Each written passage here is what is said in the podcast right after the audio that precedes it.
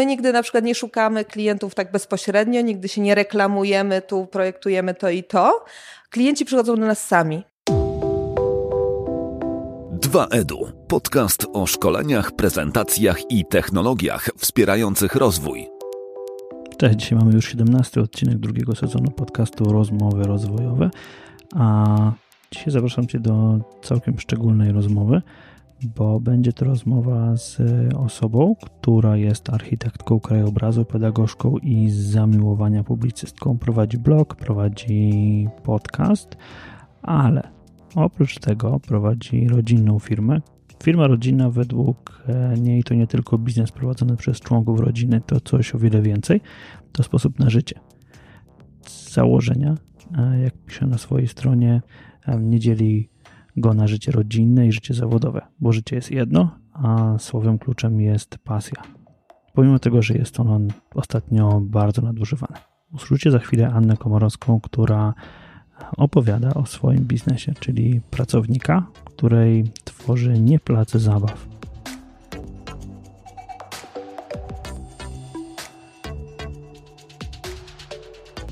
Dobrze, zaczęłaś opowiadać ciekawą historię o tym miejscu, w którym się spotkaliśmy, to mi ją opowiedz teraz.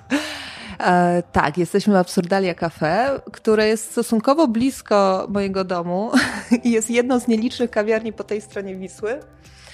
E, a historia jest taka, że napisaliśmy dwa lata temu książkę Ścieżka bosych stóp i mieliśmy ją właśnie wysłać do drukarni. E, I wyłączyli nam prąd w całej kamienicy i zapowiedzieli, że go nie będzie do wieczora, więc nie było najmniejszych szans, żeby, żeby książka dotarła do drukarni, więc przyszliśmy tutaj i stąd poszła. Z tego I miejsca, gdzie siedzimy Faktycznie teraz. dokładnie z tego miejsca, przy tym stoliku nacisnęliśmy Enter i ona poszła się drukować. Dlatego można ją tu znaleźć w szafeczce. No i e, za chwilę, mam nadzieję, tutaj sobie ją, ją przeglądniemy. Ale powiem Ci, o czym chciałem, e, co mnie, co, co mnie w ogóle zachęciło bardzo do tego, żeby, żeby, żebyśmy zaczęli rozmawiać. Bo jakby temat, którym się zajmujesz, jest z jednej strony podcastowo taki trochę nie mój, nie? No. Wiesz, jakby taki, taki trochę odległy, ale z drugiej strony bardzo bliski z perspektywy rodzica. No nie? I, ale chciałbym zacząć od rozmowy od tego, bo, bo wysłuchałem wszystkich twoich odcinków i teraz wow. jakby e, przygotowując się wysłuchałem wszystkich. E, myślałem, że można kupić e-booki, żeby, żeby ten, ale wiem, że jakby jedna książka jest audiobookiem. Y, jedna książka jest audiobookiem i e-bookiem.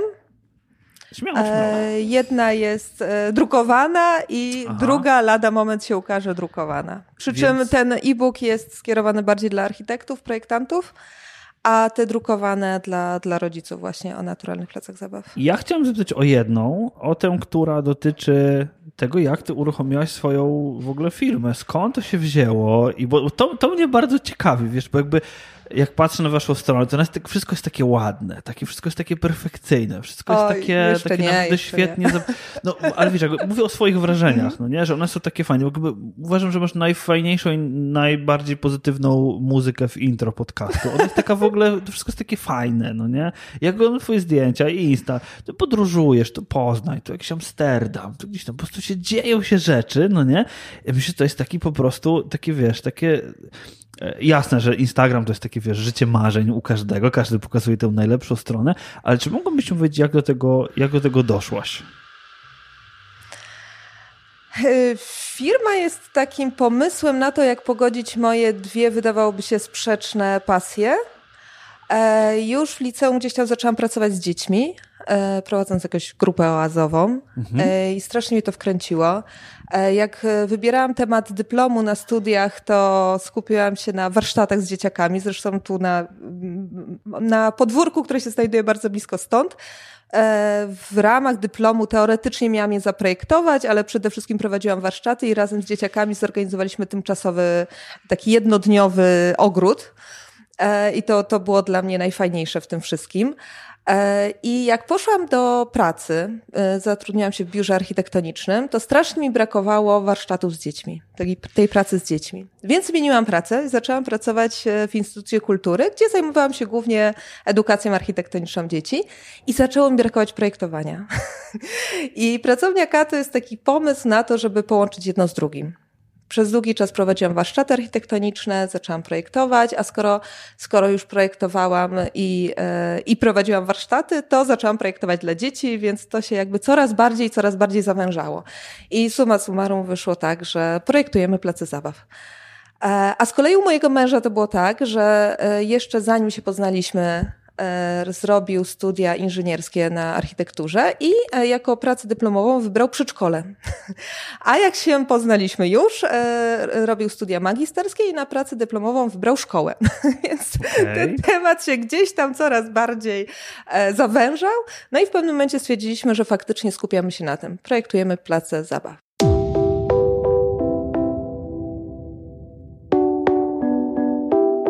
Dobrze, czyli teraz tak projektujecie place zabaw, piszecie i wydajecie książki, nagrywacie, publikujecie podcasty, blogujecie, instagramujecie, e, wychowujecie dwóch synów. To przede wszystkim.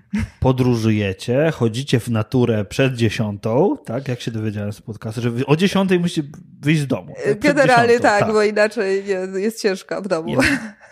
Czyli rozumiem, że jakby zbudowajcie sobie taki świat, który, który spełnia wasze wszystkie potrzeby. Że generalnie wszystko, co robimy, w, jeśli chodzi o firmę, to y, jest to podporządkowane naszem, na, naszemu życiu, naszej rodzinie. To jest jakby zawsze punktem wyjścia jest to, mhm. co jest najlepsze dla naszej rodziny. I y, w momencie, kiedy pojawiły się dzieci, to musieliśmy tak to ułożyć, żeby one się mogły pojawić, żeby żebyśmy mogli im poświęcać tyle czasu, ile chcemy.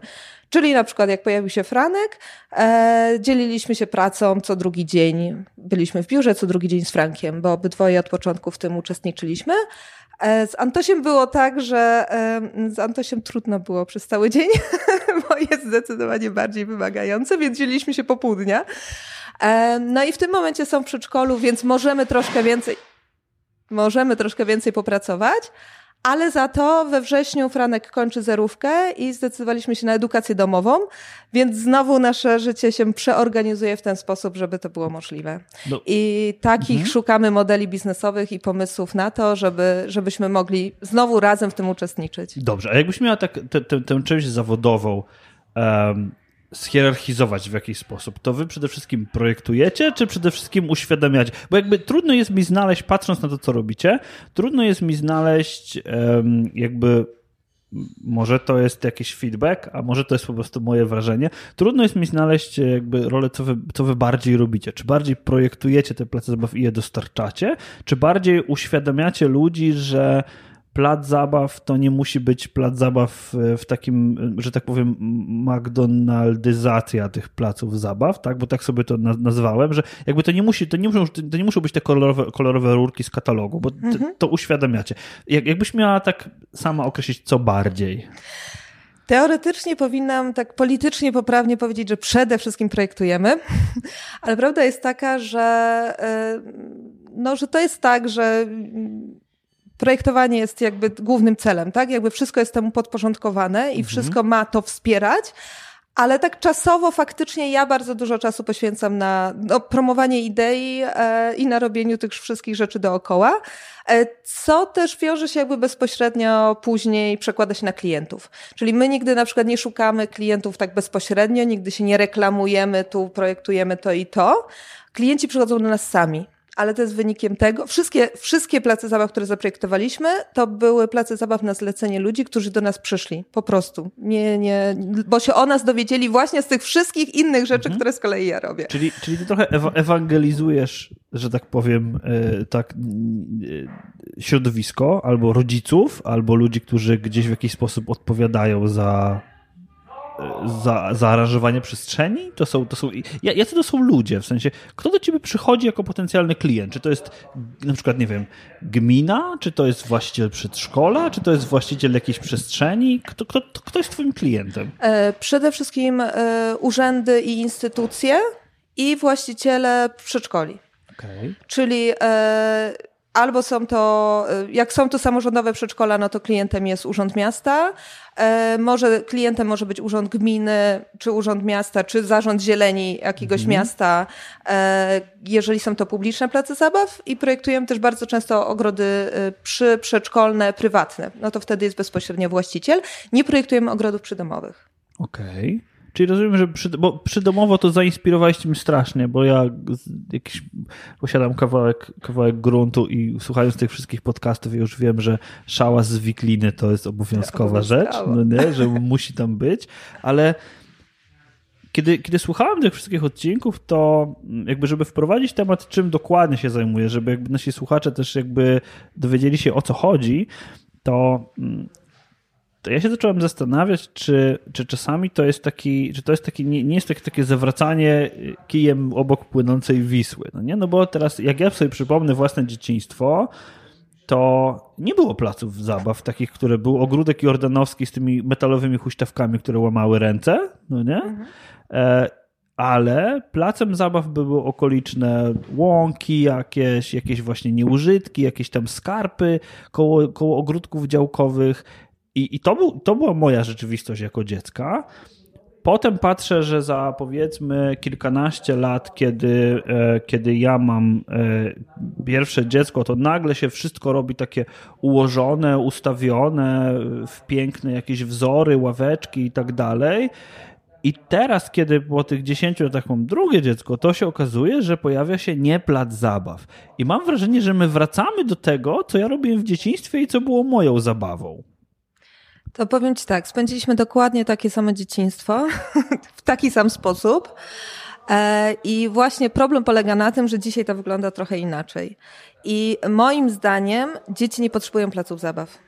I okay. dzieci nie potrzebują nawet naturalnych placów zabaw. Dzieci potrzebują natury, żeby się pobawić. Dzieci potrzebują przestrzeni, w której same doskonale będą wiedzieć, co z tym zrobić. Potrzebują właśnie tej łąki, potrzebują drzewa, na które będą mogły wejść. Mm -hmm. Tylko problem polega na tym, że nie mogą, bo nikt im do tego lasu nie zaprowadza, nikt ich do tego lasu nie puszcza i nikt im nie pozwala na te drzewa wchodzić. Okay. I teraz, e, i to jest o tyle absurdalna sytuacja, że tak jak mówisz, to jest nasze dzieciństwo, tak? My tak wspominamy dzieciństwo. To nie jest tak, że my opowiadamy, że nasi dziadkowie to bawili się w taki sposób. My się tak bawiliśmy, mhm. nie?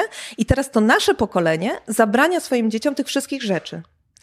I naturalny plac zabaw jest formą kompromisu. To jest taka, takie spotkanie w pół drogi. Jeżeli ktoś ma opór z, z, bardzo różnych powodów, tak? Nie wiem, ma daleko do lasu, nie chce mu się, jest zmęczony po tych wszystkich dodatkowych zajęciach, które mm, funduje dzieciom nie wiadomo po co. E, I e, albo może się po prostu boi, tej przyrody, tej natury, bo już ona stała się dla niego tak obca, że już się wydaje jakaś tam zagrażająca. No chociażby, nie wiem, no najlepszym dowodem jest to, jaka panika panuje na hasło kleszcz, czy jakiekolwiek inne robactwo. To, to jest, jest po prostu przykre. jakaś taka, no, no to jest największe zagrożenie po prostu w tym momencie. E, I taki rodzic, który się tego wszystkiego boi albo z różnych powodów z tym dzieckiem nie pójdzie do lasu, ma pod nosem, może mieć pod nosem na miejskim terenie stosunkowo niewielki plac zabaw, który będzie ogrodzony, będzie zabezpieczony, będzie miał nawet certyfikat bezpieczeństwa, mhm. ale przez to, że. Więc może uzna, że to jest miejsce, w którym można ewentualnie z tym dzieckiem pójść, ale na takim placu zabaw może być e, błoto, może być, e, mogą być patyki, może być miejsce, gdzie dziecko sobie zbuduje szałas, mogą być, nie wiem, kamyczki do zabawy i e, rodzic ma to poczucie, że to jest to coś bezpiecznego z regulaminem, z ogrodzeniem, a dziecko ma chociaż tą namiastkę natury. I nie uważam, że to jest rozwiązanie idealne, bo tak naprawdę idealnym byłby ten las, ale być może rodzic, który przez moment pobędzie w takim miejscu i stwierdzi, że w zasadzie to dziecko latające z patykiem to nie wybija sobie oczu od razu i nic mu się nie dzieje, jak się trochę pobrudzi. I w zasadzie to jest całkiem przyjemnie i o wiele fajniej niż na tych mm, pustynnych placach zabaw, gdzie jest słońce i śmierdzi gumą to może ja jednak pójdę z nim do tego lasu, nie? Mhm. Więc docelowo e, idealna sytuacja będzie taka, kiedy nikt nie będzie potrzebował naturalnych placów zabaw, ja nie będę miała wtedy co robić, ale trudno, coś sobie znajdę e, i, e, i uważam, że to jest taki właśnie kompromis. Ale wiem też, że dzieci tego bardzo potrzebują. Jest taka, taka no, dziwna sytuacja, w dziwnej sytuacji, w dziwnych czasach żyjemy, że jest to potrzebne.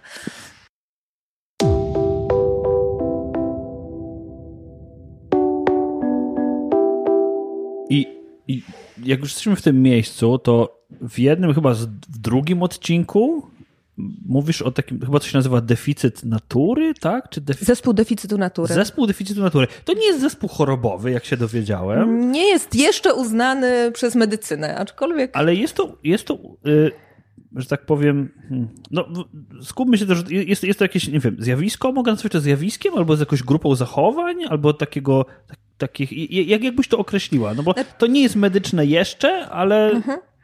Znaczy przede wszystkim jest to określenie sformułowane przez Richarda Luwa w książce Ostatnie dziecko lasu, który e, przedstawia, zebrał e, badania, które były prowadzone mm, w bardzo wielu krajach, w bardzo, na bardzo różne tematy tak naprawdę. Gruba książka. Gruba książka, dużo badań.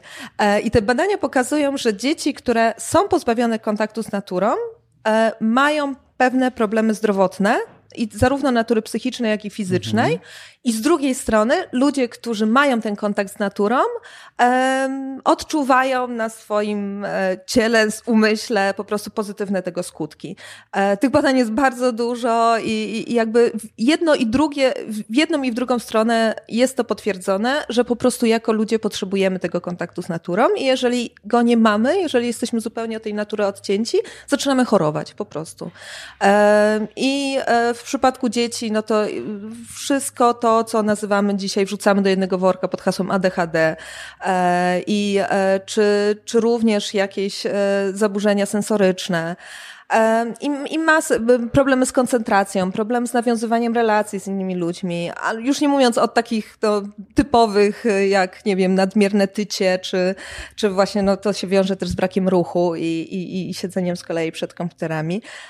Jakby to, to, to wszystko, wiadomo, nie da się jakby wyciągnąć, że to tylko i wyłącznie chodzi o kontakt z naturą, to jest mhm. jakby mnóstwo różnych czynników, ale faktycznie da się zauważyć, że dzieci, które się puści do tego przysłowiowego lasu, zachowują się inaczej po prostu i e, i e, odzyskują e, swoje siły, odzyskują zdolności koncentracji, zdolności współpracy, jakieś te relacje między, między tymi dziećmi, które spędzają dużo czasu w lesie, też są inne niż takie, które są zamknięte przez większość dnia w pomieszczeniu. Okej, okay, ale czy to, powiedz mi, czy to z twojej perspektywy, bo szukam takiego trochę kontrargumentu z czystej przekory, bo, bo to nie jest tak, że się z tym nie zgadzam, ale z czystej przekory szukam takiego kontrargumentu na zasadzie takiej, czy to czasami nie jest tak, że wymyślamy nowe rzeczy albo nazywamy jakieś rzeczy e, po to, żeby stworzyć sobie taką, taką przestrzeń do działania. No nie, że wiesz, jakby, bo teraz zobacz, jeżeli ja wymyślę jakiś, nie wiem, dysmatematykę na przykład, no nie,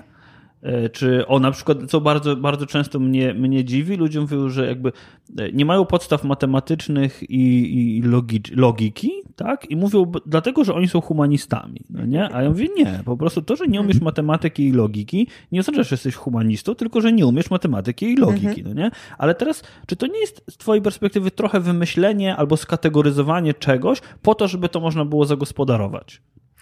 Myślę, że to jest bardziej tak, że mm, musimy pewne rzeczy nazwać, żeby móc o tym mówić, mhm. bo jak powiesz, e, nie wiem, nakręcę podcast i powiem, słuchajcie, idźcie do lasu, tak? To ci, którzy i tak chodzą do lasu, to, to ja ich nie muszę przekonywać, mhm. tak? To mhm. jest oczywiste. No dla mnie to jest oczywiste, dla nich to jest oczywiste.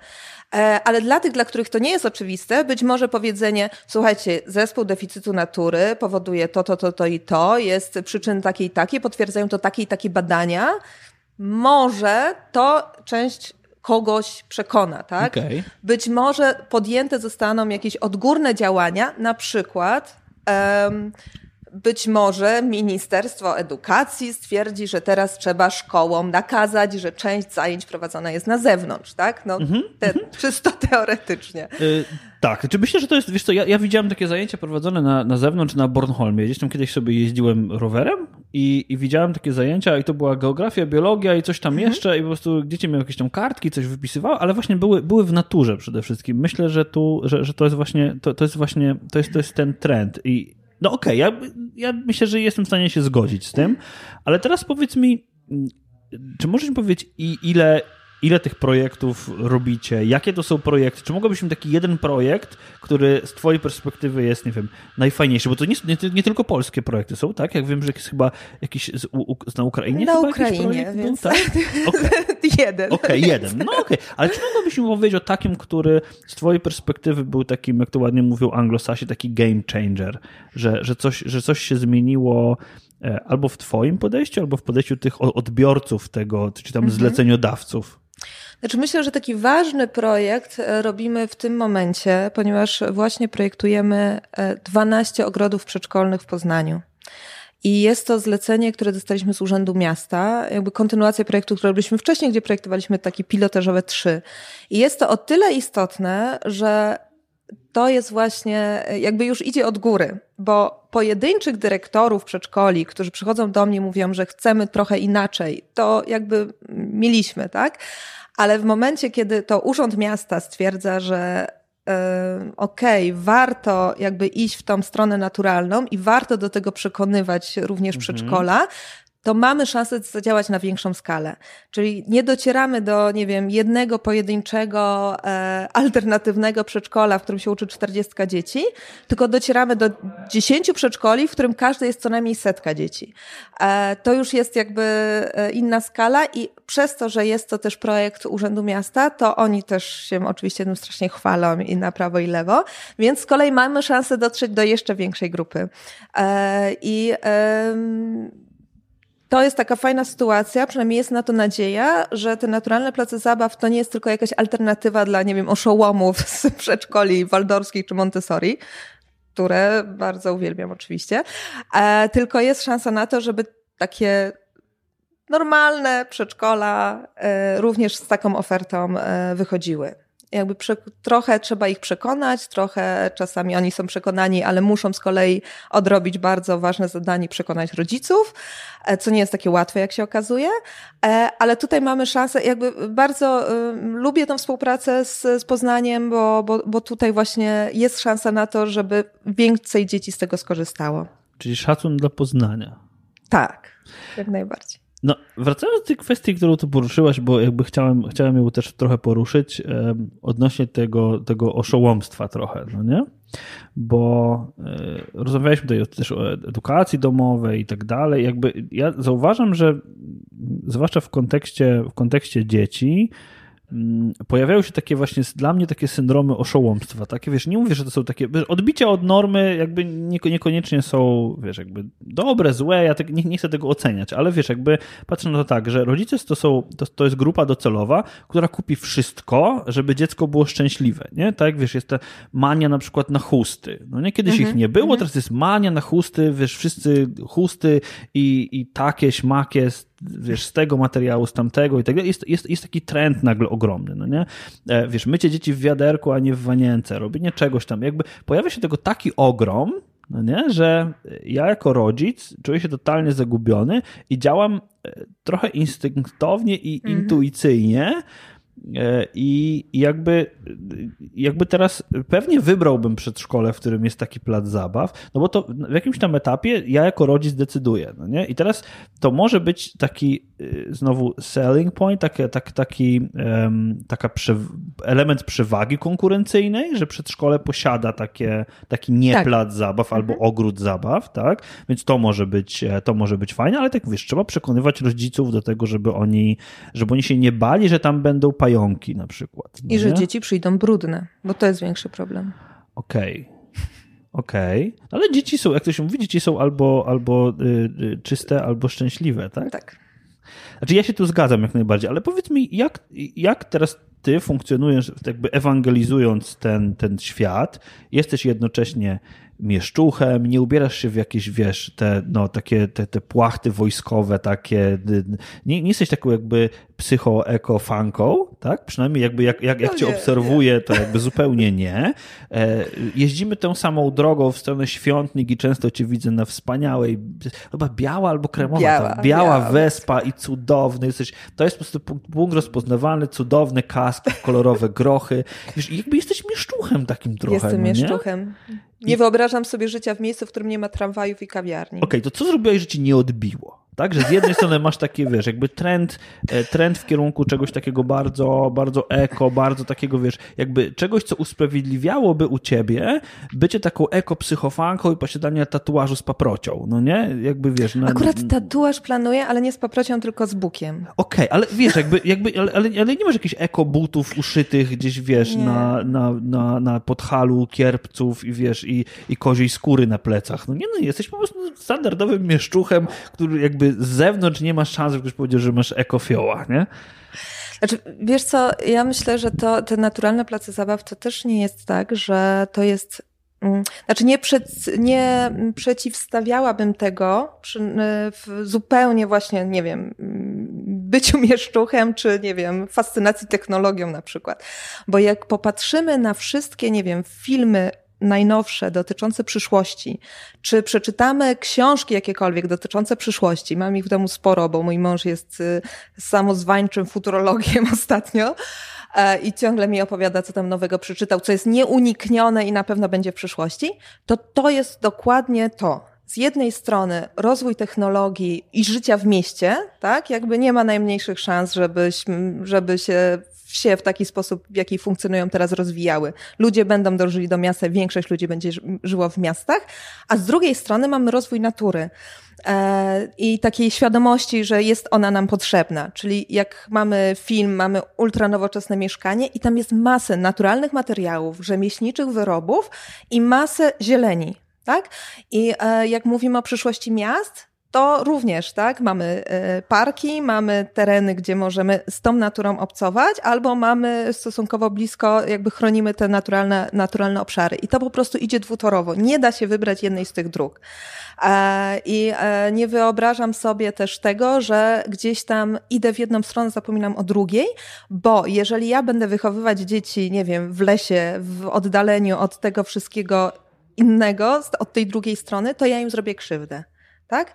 Ja ich muszę przygotować na życie, które przyjdzie, tak? Czyli które jest, nie wiem, pełne, e, które jest, się dzieje w mieście, jest e, pełne technologii, a jednocześnie, żeby nie stracili tego kontaktu z naturą.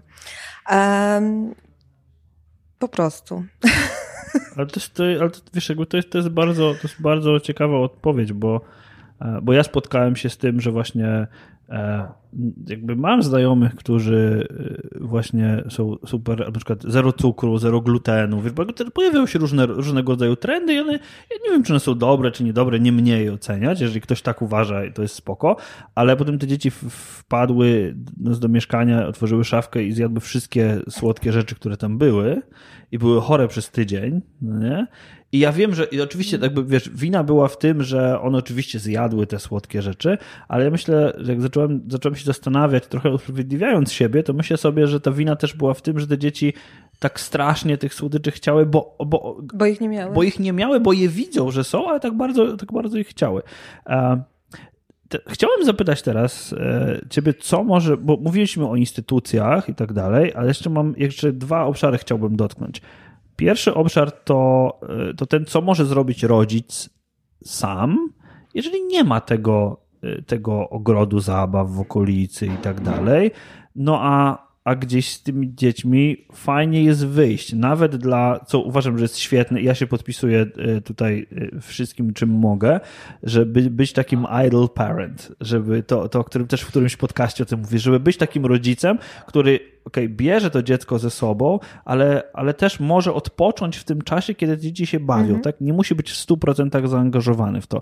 Więc ten, ta idea idle parent to dla mnie jest super w ogóle e, jakby ja, ja, ja bardzo, ale, ale właśnie co możemy zrobić? Co, co byś poradziła rodzicowi, co byś poradziła mnie, e, co mogę zrobić, żeby to dziecko nie miało tego, tego żeby miało kontrakt z naturą, żebyśmy nie popadli w jakieś, e, w jakieś paranoje, ale z drugiej strony nie mam takiego placu zabaw w okolicy. Mhm. No to dokładnie o, na, na to pytanie odpowiadam w książce Ścieżka Bosych Stóp, e, gdzie podtytuł brzmi nawet Trzy drogi do naturalnych placów zabaw i właśnie takie trzy podpowiedzi. Mhm. E, ja też nie mam takiego ogrodu w okolicy, bo jakoś nie ma, tak? E, ja dużo chodzę z dziećmi. Biorę ich e, i idziemy na pole, jak to po naszemu mówimy, e, co u mnie się często objawia tym, że jedziemy, nie wiem, do centrum miasta, ale możemy też iść do pobliskiego lasku, możemy iść do parku, możemy iść gdziekolwiek. I robimy tam różne śmieszne rzeczy. Kiedyś prowadziliśmy taką akcję Idziemy na pole, i e, polegała ona na tym, że ja sobie z Frankiem po prostu wychodziłam, ale opowiadałam o różnych rzeczach, które robimy i, e, e, i opisywałam różne e, zadania, które można wykonywać przy tej okazji, jako taką za, zachętę do tego, żeby ten spacer urozmaicić. E, no i wo, wo, wokół tego tematu zebrało się sporo, sporo ludzi. Było nawet takie jedno zadanie, które brzmiało: idź na plac zabaw i zostań tam tak długo, jak dziecko chce. To pamiętam. E, I e, odpowiedzi, jakie wtedy dostałam, ponieważ to gdzieś tam trafiało mailami do osób zainteresowanych i też się gdzieś tam pojawiało na Facebooku i, i ktoś skomentował, e, ale my nie mamy namiotu. Więc niektórzy tam faktycznie 8 godzin na przykład wytrzymali. Mhm. Więc to jest takie, takie też można sprawdzić, ile tak naprawdę jesteśmy, no, zobaczyć, ile w stanie dzieci są różnych rzeczy też zrobić w jakimś miejscu, w którym są. E, no ale takie właśnie zadania się pojawiły i czasami sobie tak w taki sposób urozmaicamy, że czegoś szukamy, na przykład szukamy zwierząt. E, przy czym no, szukanie zwierząt objawia się tym, że widzimy psy, gołębie, mrówki pod kamieniem, ale widzimy też e, wyrzeźbioną głowę słonia. Tu w pobliżu na przykład jest kamienica, okay. w której jest fantastyczny słoń.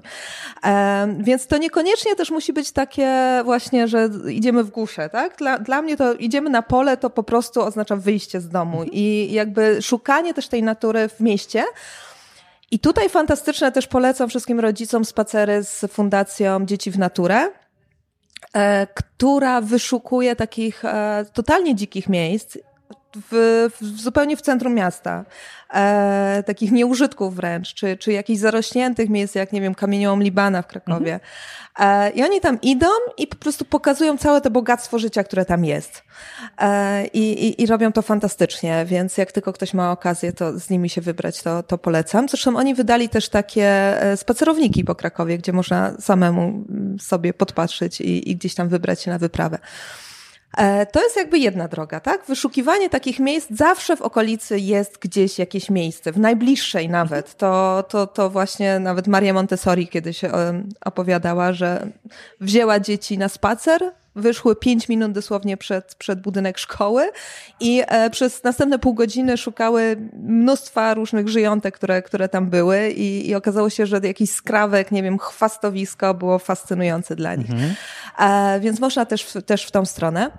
E, poza tym miałam też jedno z zadań w, w, w, ramach tej akcji Idziemy na pole. Brzmiało tak, kup bilet godzinny i wyjedź e, w jakimkolwiek kierunku, do jakiegokolwiek miejsca właśnie takiego fajnego pod względem przyrodniczym, bo jestem przekonana, że z każdego miasta w przeciągu godziny można dojechać do jakiegoś, nie wiem, z Krakowa można dojechać do e, e, Ojcowskiego Parku Narodowego chociażby, e, czy, czy do różnych miejsc. Wbrew pozorom to nie jest tak, że nie mamy tej natury wokół siebie. Jej jest o wiele więcej niż nam by się wydawało, o wiele więcej jest w miastach, tylko wystarczy troszkę poszukać i niekoniecznie od razu właśnie, nie wiem, parki narodowe, czy góry lub morza, tak? To, to może być coś małego. Dla dzieci wyprawa do takiego, nie wiem, e, nie, nieużytku to jest jak wyprawa do jakiejś dzikiej dżungli, w której są pierwszy raz i są wielkie rośliny wokół nich i to jest jakiś wow.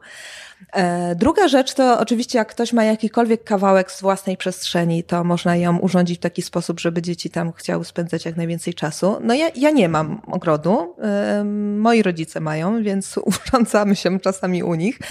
Zrobiliśmy tam kuchnię błotną chłopakom. I w pewnym momencie e, moi rodzice oddali nam kawałek działki, e, taki właśnie nieużytek w zasadzie, e, którym, który znajduje się tuż nad rzeką, więc tam mhm. tworzymy taki leśny, eksperymentalny plac zabaw, stopniowo sobie dodając różne rzeczy, na przykład ostatnio domek na drzewie. No ale takie miejsca można odszukać też w mieście, na przykład w ogrodach społecznych, czy, czy w jakichś takich przestrzeniach, które są do współużytkowania oddane.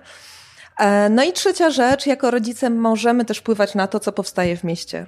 Jest budżet obywatelski, jest, e, są różnego rodzaju dofinansowania.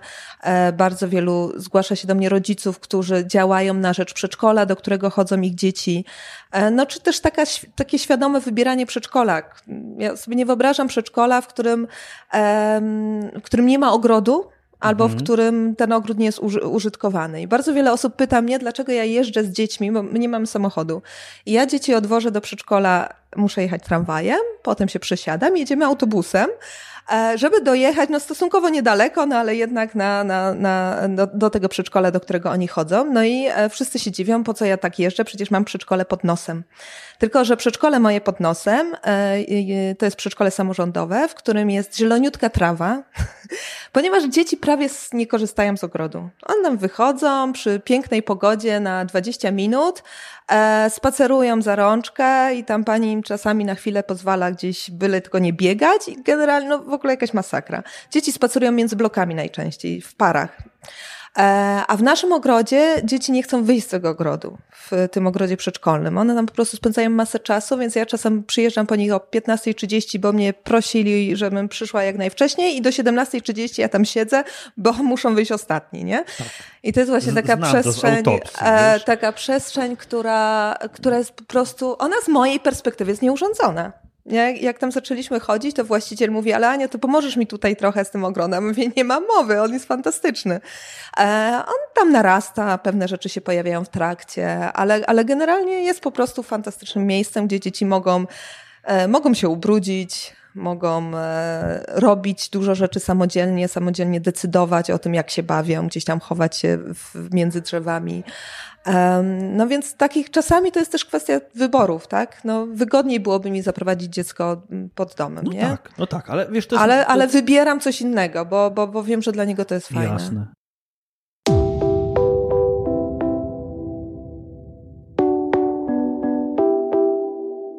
Wiesz, dla potwierdzenia tego to powiem Ci tylko, że e, moja, moja córka, już dziesięcioletnia teraz, wyjeżdża na takie obozy do Janowa Lubelskiego i tam najlepszą zabawą jest e, właśnie chowanie się w naturze, y, jakby przygotowanie sobie skrytek jakichś z gałęzi, patyków, i sobie przeprawa przez bagno, gdzie po prostu brną autentycznie po pachy w bagnie i, i, i to są najlepsze wakacje, czyli właśnie wiesz, nie, y, nie, nie kurs języka angielskiego na Maderze, tak, tylko, tylko wiesz, właśnie y, tydzień czy dwa tygodnie po prostu w lesie, no nie? I jeżdżenie wszędzie rowerem, chodzenie do lasu i pytam się, ale co wy tam robicie? No idziemy do lasu, no nie? I, i, co? Wiesz, jakby ja sam oczekiwałem tego, że tam jakieś atrakcje będą. No, no nie, na przykład robimy coś tam, no nie? Albo szukamy czegoś tam. Tak jak mówię, że to jest kwestia też, ja myślę, tego, z tego co, co słucham i co, co wysłuchałem w twoim podcaście, do którego oczywiście zapraszamy, to to to jest ustalenie dzieciom pewnego celu też, no nie? Że idziemy tam po coś, no nie? A czasami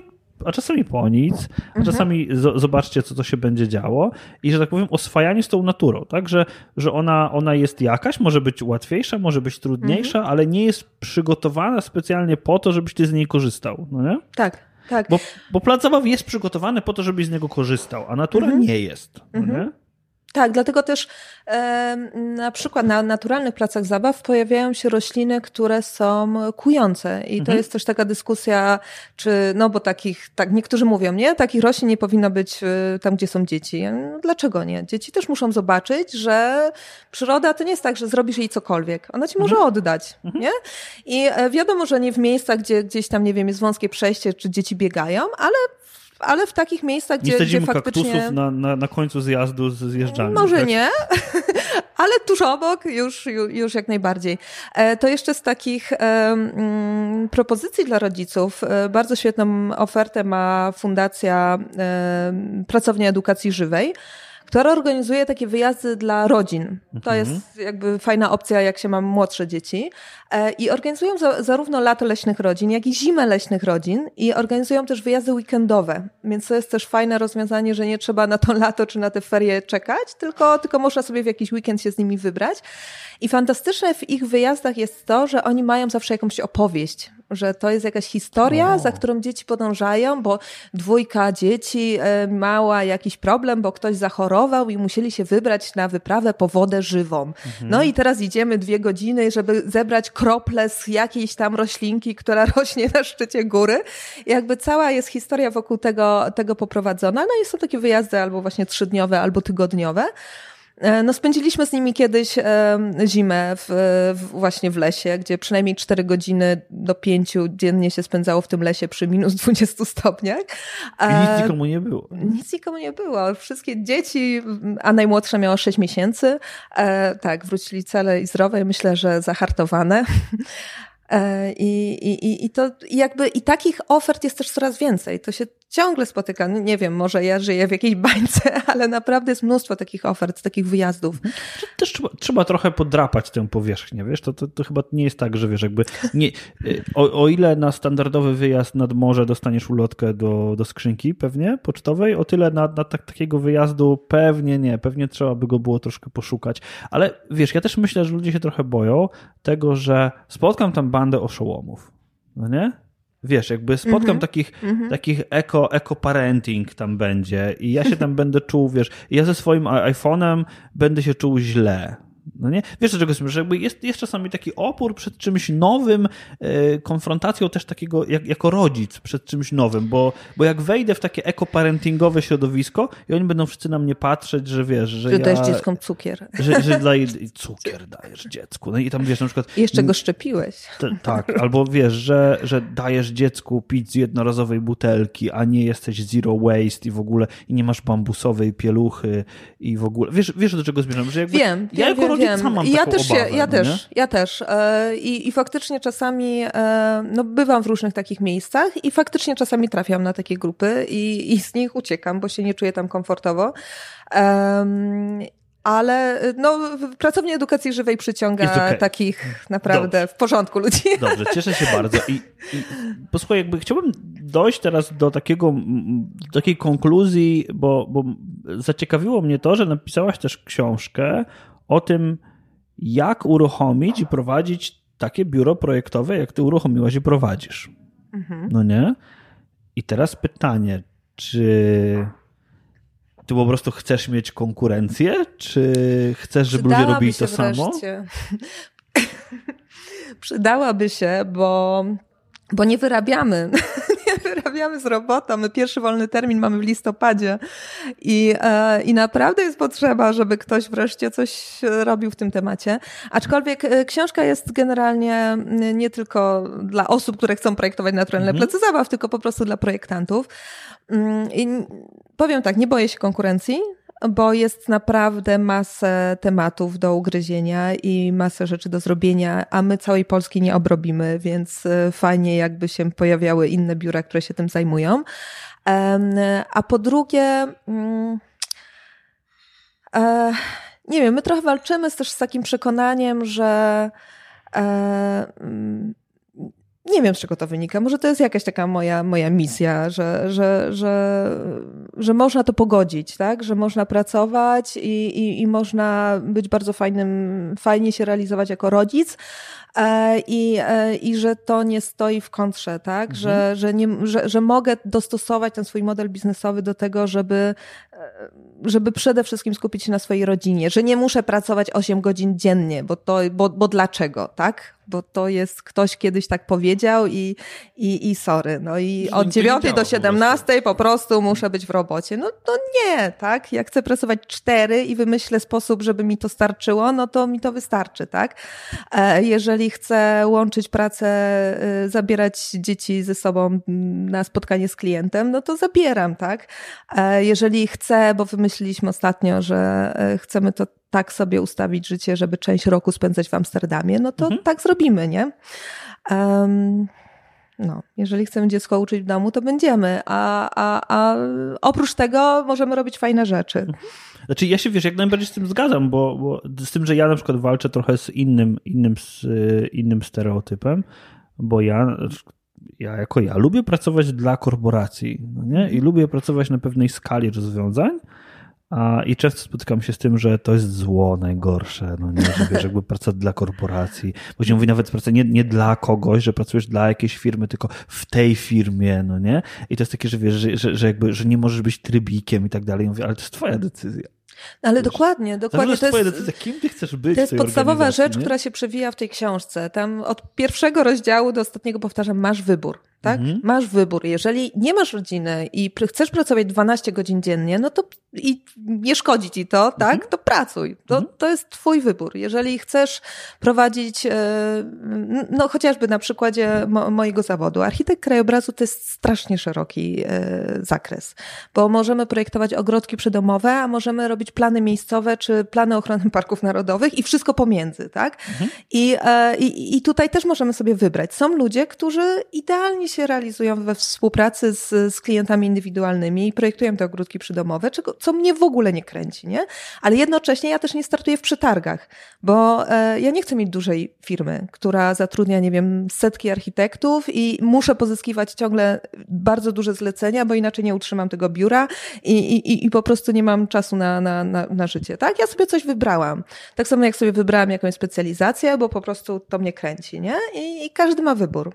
I jakby też no, to jakby nie o to chodzi, żeby robić to tak jak ja, tak? No, żeby to robić po swojemu, żeby sobie dać na to przyzwolenie. Super. I, i myślę, że to jest, e, że to jest super, super podsumowanie, bo, bo to robienie po swojemu to może być robienie po swojemu jako rodzic, robienie po swojemu jako właśnie e, przedsiębiorca i, i ja jak najbardziej, jak najbardziej skłaniam się ku temu, żeby się, żeby się tymi informacjami dzielić i, i to jest świetne, no nie? Żeby się też nie bać tego, ok, takie mam doświadczenia, no to, mm. to się nimi dzielę. Także e, no dziękuję Ci bardzo i no i zapraszam do, do słuchania Twojego podcastu, więc jakbyś na koniec mogła tylko powiedzieć, gdzie słuchacze mogą znaleźć więcej rzeczy o Tobie, to będzie super. No, zapraszam na podcast, blog y, Nie Plac Zabaw, e, ale pod takim hasłem funkcjonuje też grupa na Facebooku, e, która gromadzi właśnie rodziców, którzy myślą podobnie. E, moje projekty można zobaczyć na stronie pracowniaka. No i oczywiście w sklepie pracownika można też kupić moje książki. Super, dziękuję Ci bardzo. dziękuję.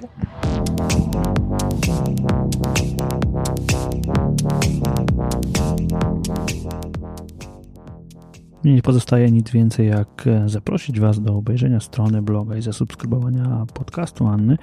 Naprawdę jest to majstersztyk i wizualny i treściowy. Moim zdaniem mm, ta strona mogłaby służyć za inspirację dla wielu, wielu różnych projektów. Jeżeli już e, wybraliście się na tą stronę, to bardzo Wam dziękuję, a tymczasem zapraszam standardowo do grupy e-learning robię na Facebooku, bo tam mm, toczy się całkiem sporo rozmów e, pod każdym z odcinków podcastu. E, jeżeli macie ochotę się przyłączyć, to serdecznie zapraszam. Oczywiście bardzo mile widziane są wszelkie oceny i komentarze w iTunes. Dzięki wielkie i do usłyszenia za tydzień.